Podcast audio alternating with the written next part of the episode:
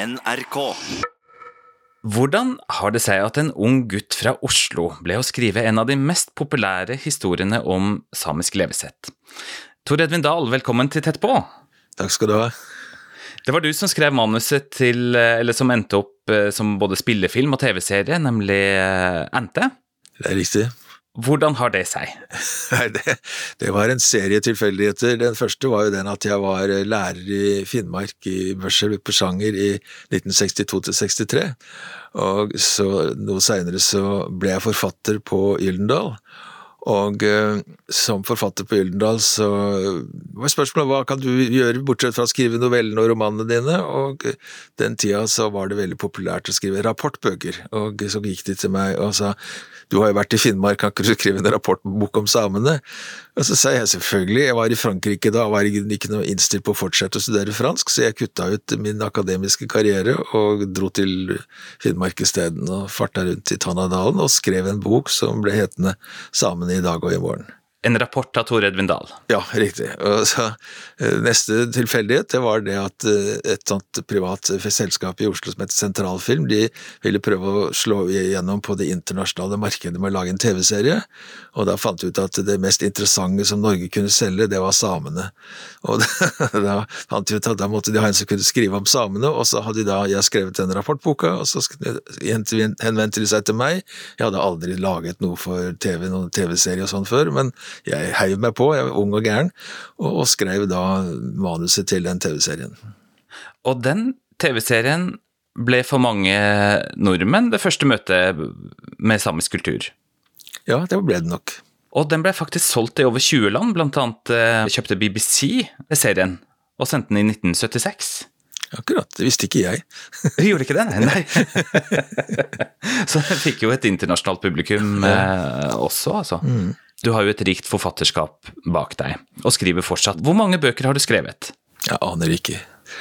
Telling er ikke for meg. Jeg, men jeg, har, jeg, jeg, tror det er over 100. Over 100 bøker. Mm. Du er mer interessert i bokstaver enn tall, skjønner jeg. Ja, absolutt. Hvordan havna du i Finnmark? Nei, det var også for så vidt en historie, for jeg vokste opp i et miljø i Oslo som var veldig trangt, eh, og som jeg ville vekk fra.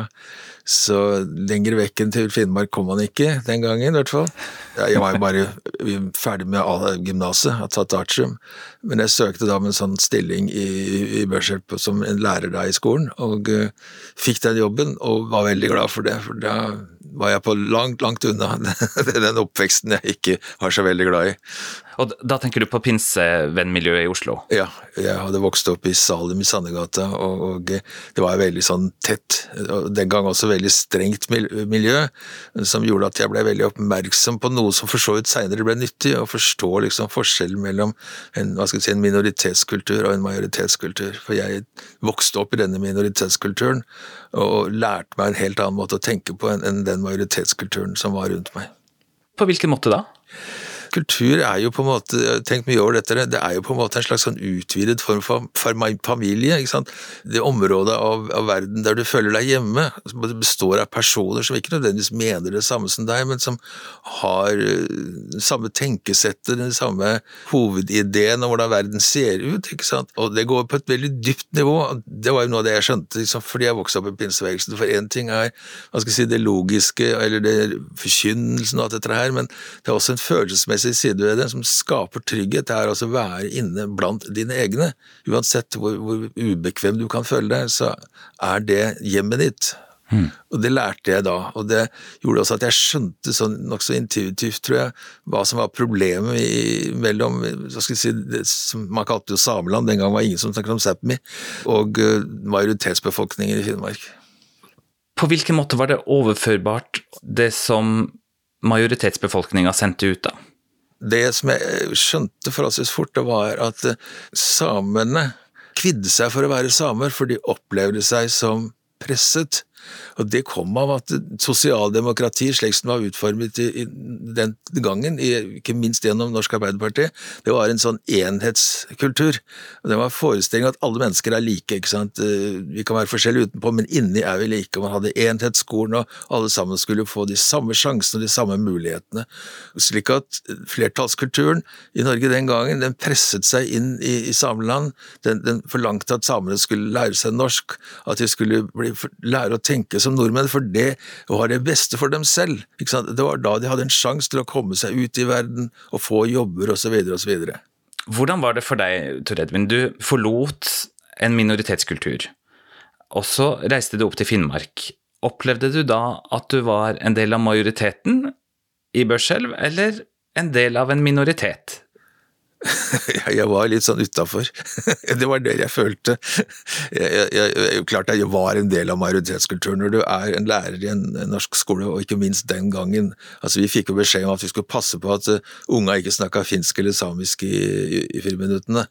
Så jeg skjønte jo det, at uh, her er det en gruppe som er skjøvet i et hjørne, og jeg var på den andre sida. Så jeg representerte majoritetskulturen.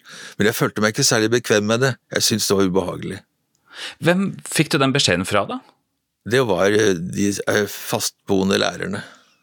At de ikke skulle få snakke samisk i friminuttene? Ja. Og hvis du hørte noen som snakka samisk i friminuttene, hva måtte du gjøre da? Jeg, jeg, gjorde, jeg sa aldri noen ting om det, men, men altså, ja, du snakket dels samisk og dels kvensk.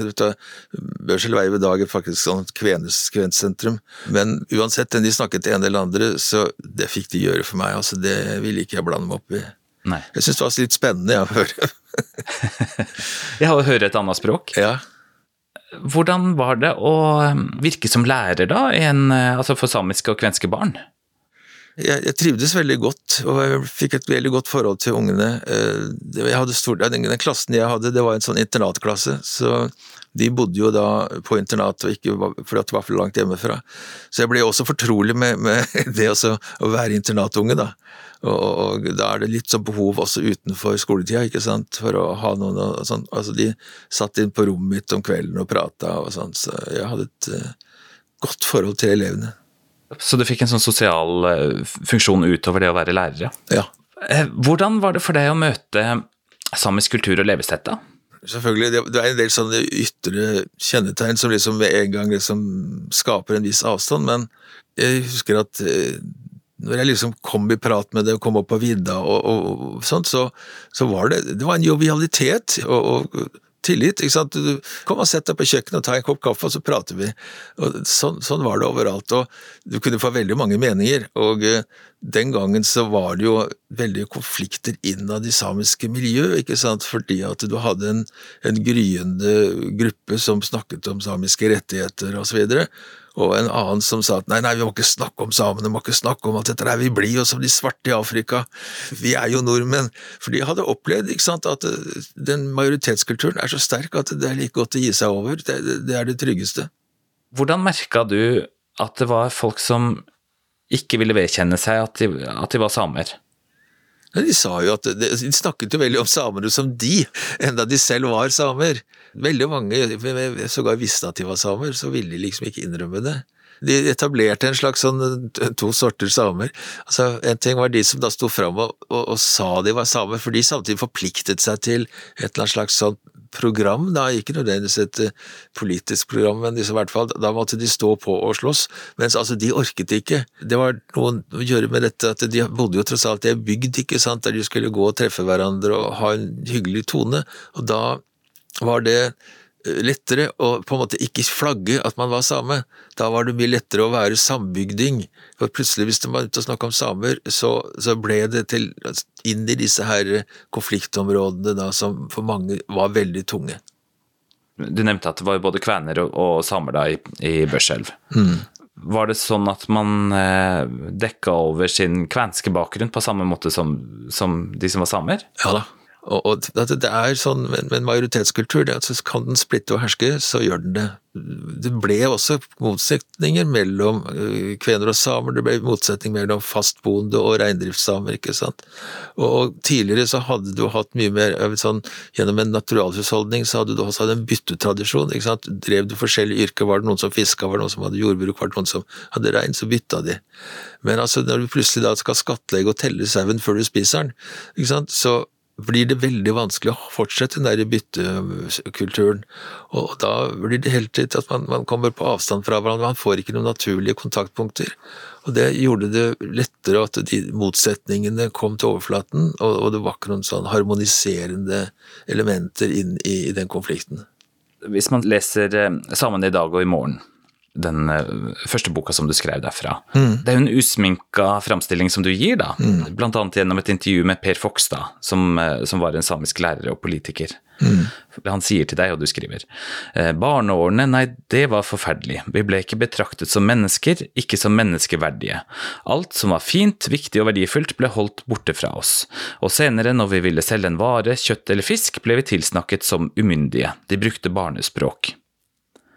Var du forberedt på at det var sånn, altså med din kunnskap sørfra? Det var ikke så uventet for meg, fordi at folk hadde jo snakket til meg på samme måten fordi jeg var pinsevenn, ikke sant. Altså, ja. Du ble jo sett ned på for det også, for de var en sånn rar avvikergruppe som folk ikke skjønte seg på. De, dette her tungetallet, alt dette her er bare tøv, ikke sant. Og jeg var inne i dette her, så da kunne jeg jo ikke være helt rett bevart. Så, så jeg, var ikke, jeg, var ikke, helt fremmed for å forstå Per Fakstad eh, og, og, og Hans J. Henriksen, altså, som jo hadde gått gjennom mange av de samme tingene.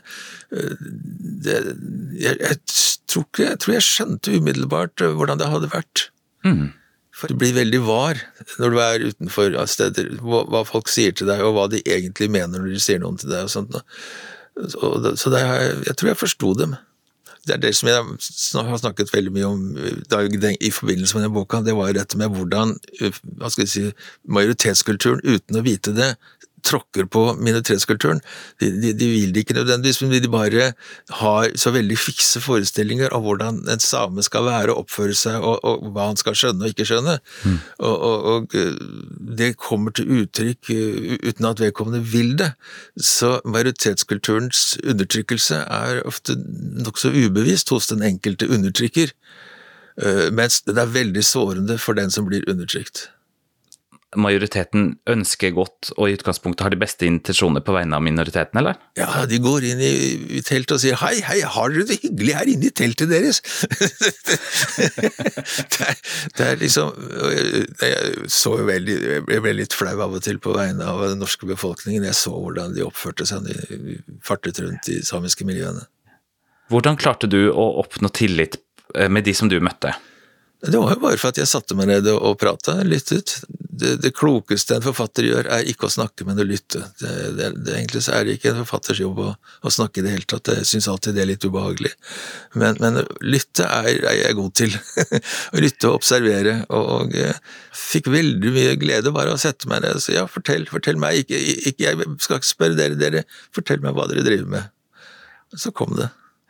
Hvordan ble den boka mottatt, da? Altså gitt ut på Gyldendal? Ja, nei, altså, I Finnmark så fikk jeg, opplevde jeg veldig god mottakelse fra de miljøene jeg var interessert i. på en måte. Jeg, jeg, jeg ville jo liksom ikke stå fram og være noen sånn samefrelser, men jeg hadde jo, min sympati lå jo på den samiske kulturens side. Det var den som på en måte jeg ble tiltrukket av og følte meg veldig opptatt og besnæret av.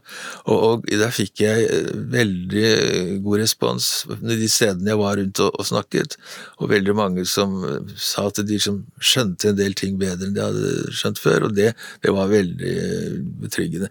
Men på den annen side så ble jeg litt sjokkert når jeg holdt et tilsvarende foredrag i, i Sør-Norge, og, og, folk ble litt sånn forferdet sammen. Du må jo skjønne, sa de, at samene, det beste som kan skje med samene, er jo at de, de blir nordmenn. De, de, må bare skjønne at det er, det er ikke noe framtid i å være same.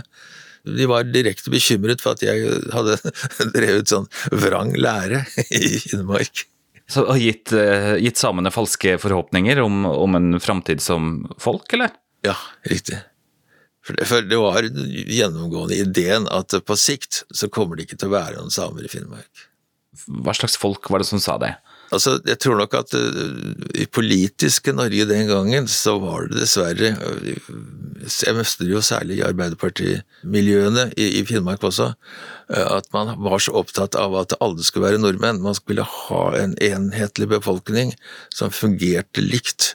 Og, og, da var det samiske det var noe aparte som var dysfunksjonelt innenfor det moderne sosialdemokrati, med sånn interesse for eh, industribygging. ikke sant? Man skulle øke levestandarden, man skulle få flottere boliger og alt mulig. Og, og, og da passet ikke det samiske inn. Du nevnte i starten at, eh, at du ble kontakta om å skrive ved et manus for å lage en TV-serie, det som mm. senere ble NT. Hvordan gikk du til verks da du fikk den eh, forespørselen? Av en eller annen merkelig grunn så, så, var jeg ganske klar på hva jeg ville fortelle da de spurte meg.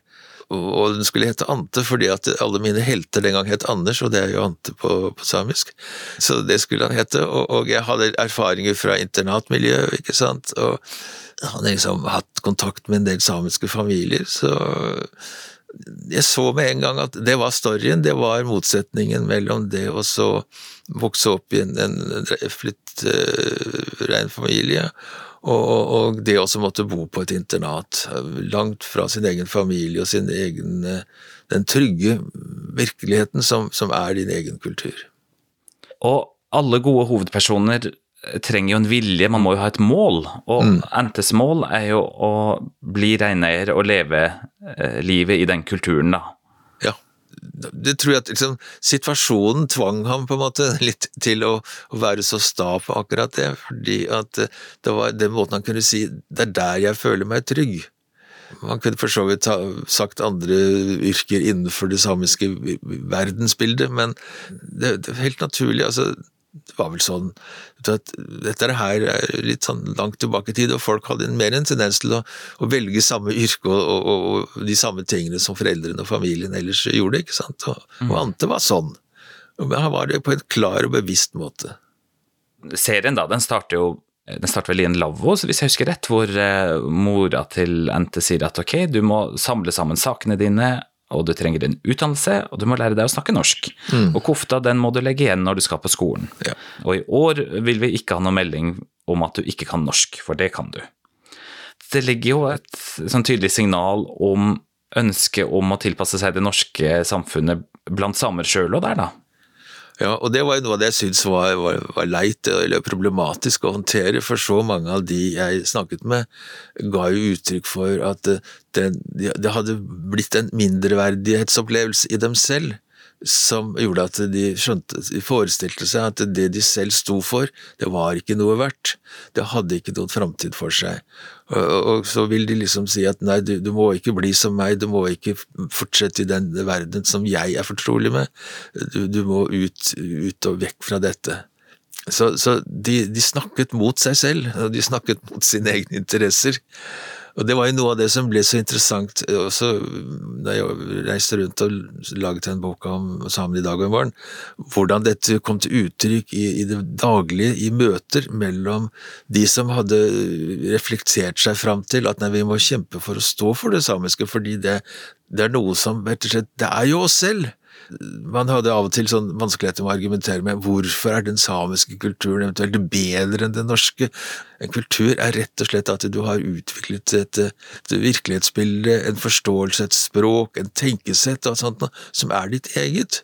Og, og som uh, har sin, verdien i seg selv, i det at det, du lever i det og, og, kan utvikle det og kan skape noen ting innenfor det, det universet uten den hva skal jeg si, solide fundamentet i en kultur, så, så er du ganske lost. Mm.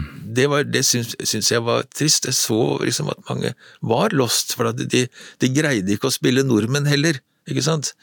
Det, det var en, en, vanskelig rolle å håndtere. Frykta du at kulturen kom til å eh, ende opp med å gå i oppløsning, da? Nei, det trodde jeg ikke noe på.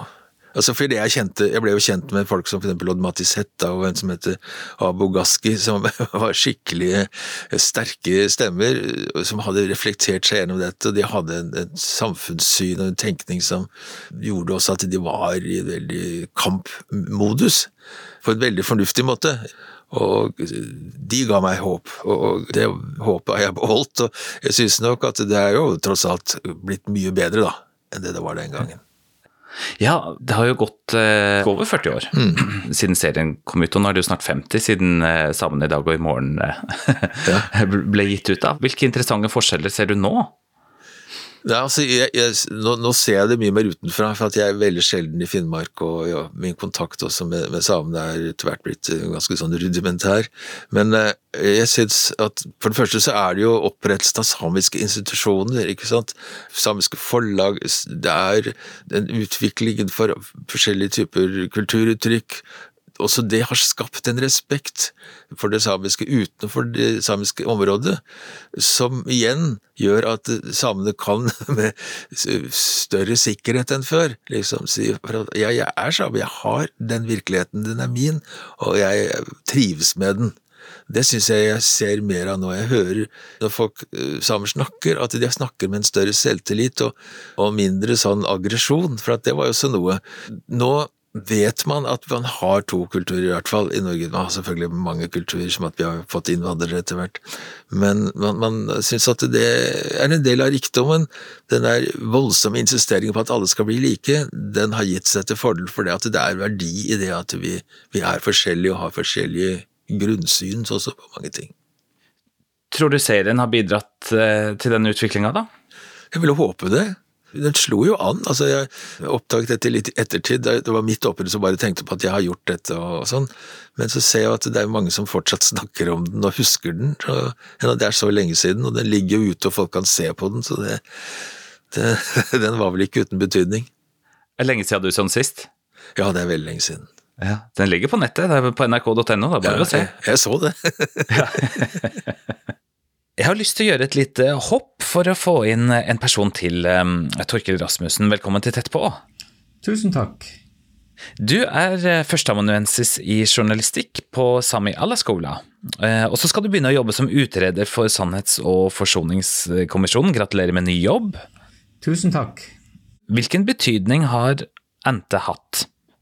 En ting er jo den betydninga som det hadde for, for meg sjøl. Altså, den kom jo sånn ca. 1975. Jeg var ti år, og det var en uh, ganske stor opplevelse å høre samisk på TV og se en, en film fra, fra, et samisk miljø. Det var noe helt, uh, helt nytt og sjeldent. og jeg kunne ikke snakke samisk sjøl på den der tida, men jeg forsto ganske mye, og det var faktisk en veldig, veldig spesiell opplevelse å kunne følge med på en TV-serie på samisk.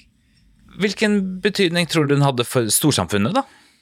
Vi vet jo at veldig, veldig mange plutselig ble klar over hva slags eh, politikk Norge førte overfor samer, med, og spesielt over da, overfor samiskspråklige unger. At eh, samisk språk ble ekskludert fra skolen, og og at uh, ungene ble tvunget til å følge undervisning på et språk som mange i hvert fall hadde uh, dårlige kunnskaper i, og med målet, målet at de skulle slutte å, bruke samisk. Og det var det serien som hjalp til med, eller? Ja, den serien hadde absolutt utrolig mye å si, og den hadde helt sikkert også veldig mye å si for mobiliseringa bare noen få år seinere mot uh, utbygginga av Alta-Kautokeino-vassdraget, som jo fikk enormt mye, mye fokus og førte til senere til et sånn totalt skifte i, i norsk samepolitikk. Antefilmen bidro til, til det, det, skiftet, og også at det, det, var mulig å mobilisere så sterkt for samiske rettigheter senere. Den filmen hadde utrolig stor gjennomslagskraft jeg ønsket bevisst i hvert fall ikke liksom å som sagt bli liksom den eh, som snakket samenes sak, for jeg har hele tiden ment at det, der, det skal samene gjøre. Eh, og De skal peke veien, de skal slåss for sine verdier og ideer og utvikle samfunnet på sin måte. Men som en utenforstående så kan jeg prøve å, å se hva jeg finner som jeg syns er verdifullt og interessant i den konflikten. Jeg tror faktisk det er mye av konflikten jeg har vært interessert i, og, og, og prøvd å, levendegjøre. Det fikk jo en del oppmerksomhet, da, serien da den ble vist. Ja. Mm. Hva slo det deg da du så mottagelsen? Nei, altså, jeg ble litt rørt. Jeg bodde jo sørpå da serien gikk, og ja, folk var, var bare Men de så på det nok, tror jeg, i hvert fall sørpå, så så på det som en romantisk historie. De så ikke på si, det kontroversielle i noen særlig grad. De forsto ikke at dette var kontroversielt, for de nok sympatiserte bare med Ante og tenkte stakkars gutt, han må da få lov til å bli reineier. det var for fremmed for dem. Og så var det et annet prosjekt som du skulle utvikle for NRK etter den serien her. Ja, det, det, det aborterte prosjektet, det, det var en pussig historie. fordi Det startet jo med at faktisk, jeg har alltid vært veldig fascinert vet ikke om du husker, Orson Wells laget jo i sin tid en radioversjon av, av en novelle av George Orwell som heter War of the Worlds. og Han laget det som en sånn reportasje der man da forteller at oi, nå har det landet noen marsspor eller noe sånt et sted. Og, og det skapte jo anskillig kaos den gangen da det gikk. for at folk trodde at dette ikke var en, et hørespill, men det var faktisk en faktisk reportasje, og at jord plutselig ble invadert. Så Det syns jeg alltid var en fantastisk historie. Så snakket jeg med noen jeg kjente, og tenkte kan vi finne på noen ting i den retning? Og da tenkte jeg at jeg kunne lage en reportasje fra Finnmark om uh, Sápmi et år etter frigjøringen. Der tanken var da at vi skulle da En fiktiv reportasje, at eh, Sameland i, både de, alle de fire nordiske områdene hadde kunnet fått sin frigjøring, de hadde fått lov til å opprette sitt eget eh, område og styre seg selv. Og så skulle vi lage en reportasje og spørre åssen det hadde gått da. Det fikk vi ja til fra opplysningsavdelingen i NRK. Og vi dro i gang og drev research og kontakta folk og satte i gang, skulle lage plakater, jeg vet ikke hva. Inntil til at jeg da ble innkalt sammen med Tor Tørstad på kontoret til Torolf Elster, som var kringkastingssjef den gangen, med beskjed om at eh, dette ville han ikke ha. Punktum. Hvorfor ikke? Nei, han var for så vidt ganske eksplisitt på det, for han sa at eh, dette her kommer til å lage bråk i Finnmark. Så sa jeg at eh, ja, men etter, etter, at programmet går, så skal det jo bli en diskusjon, det er jo ikke vi som vil prøve å etablere en samisk nasjon her, men det, det er et spørsmål omkring dette her som er interessante. Nei, dette kommer til å bli bråka, og det vil han ikke ha. Det var jo klart en politisk avgjørelse, det var ikke snakk om noe annet. Eh, hvis du setter det inn eh, i, i den tidas lys, da, hadde de noen poeng? Lå det noe som var såpass eh, provoserende i det som dere lagde, at, at det kunne lagd bråk, tror du? Nei, jeg syns ikke Jeg syns for så vidt at det var en veldig, veldig stillferdig affære, det vi hadde utviklet, men eh, det har vært en eh, politisk situasjon i Finnmark i en periode der det var veldig vanskelig å, å snakke om, om, samenes situasjon uten at det ble oppfattet som uh, en eller annen halvveis form for revolusjon. Heldigvis den tida over. Den tida som du har snakka om nå, virker jo som en ganske annen, tross alt, da, enn den tida som vi har i dag. Det har skjedd mye på disse årene i altså som har ført samfunnet i en, eh, i en, bedre retning, virker det som da. Mm, absolutt. Hva håper du skal skje videre? Hvordan håper du at uh, Sápmi kan, kan, utvikle seg videre?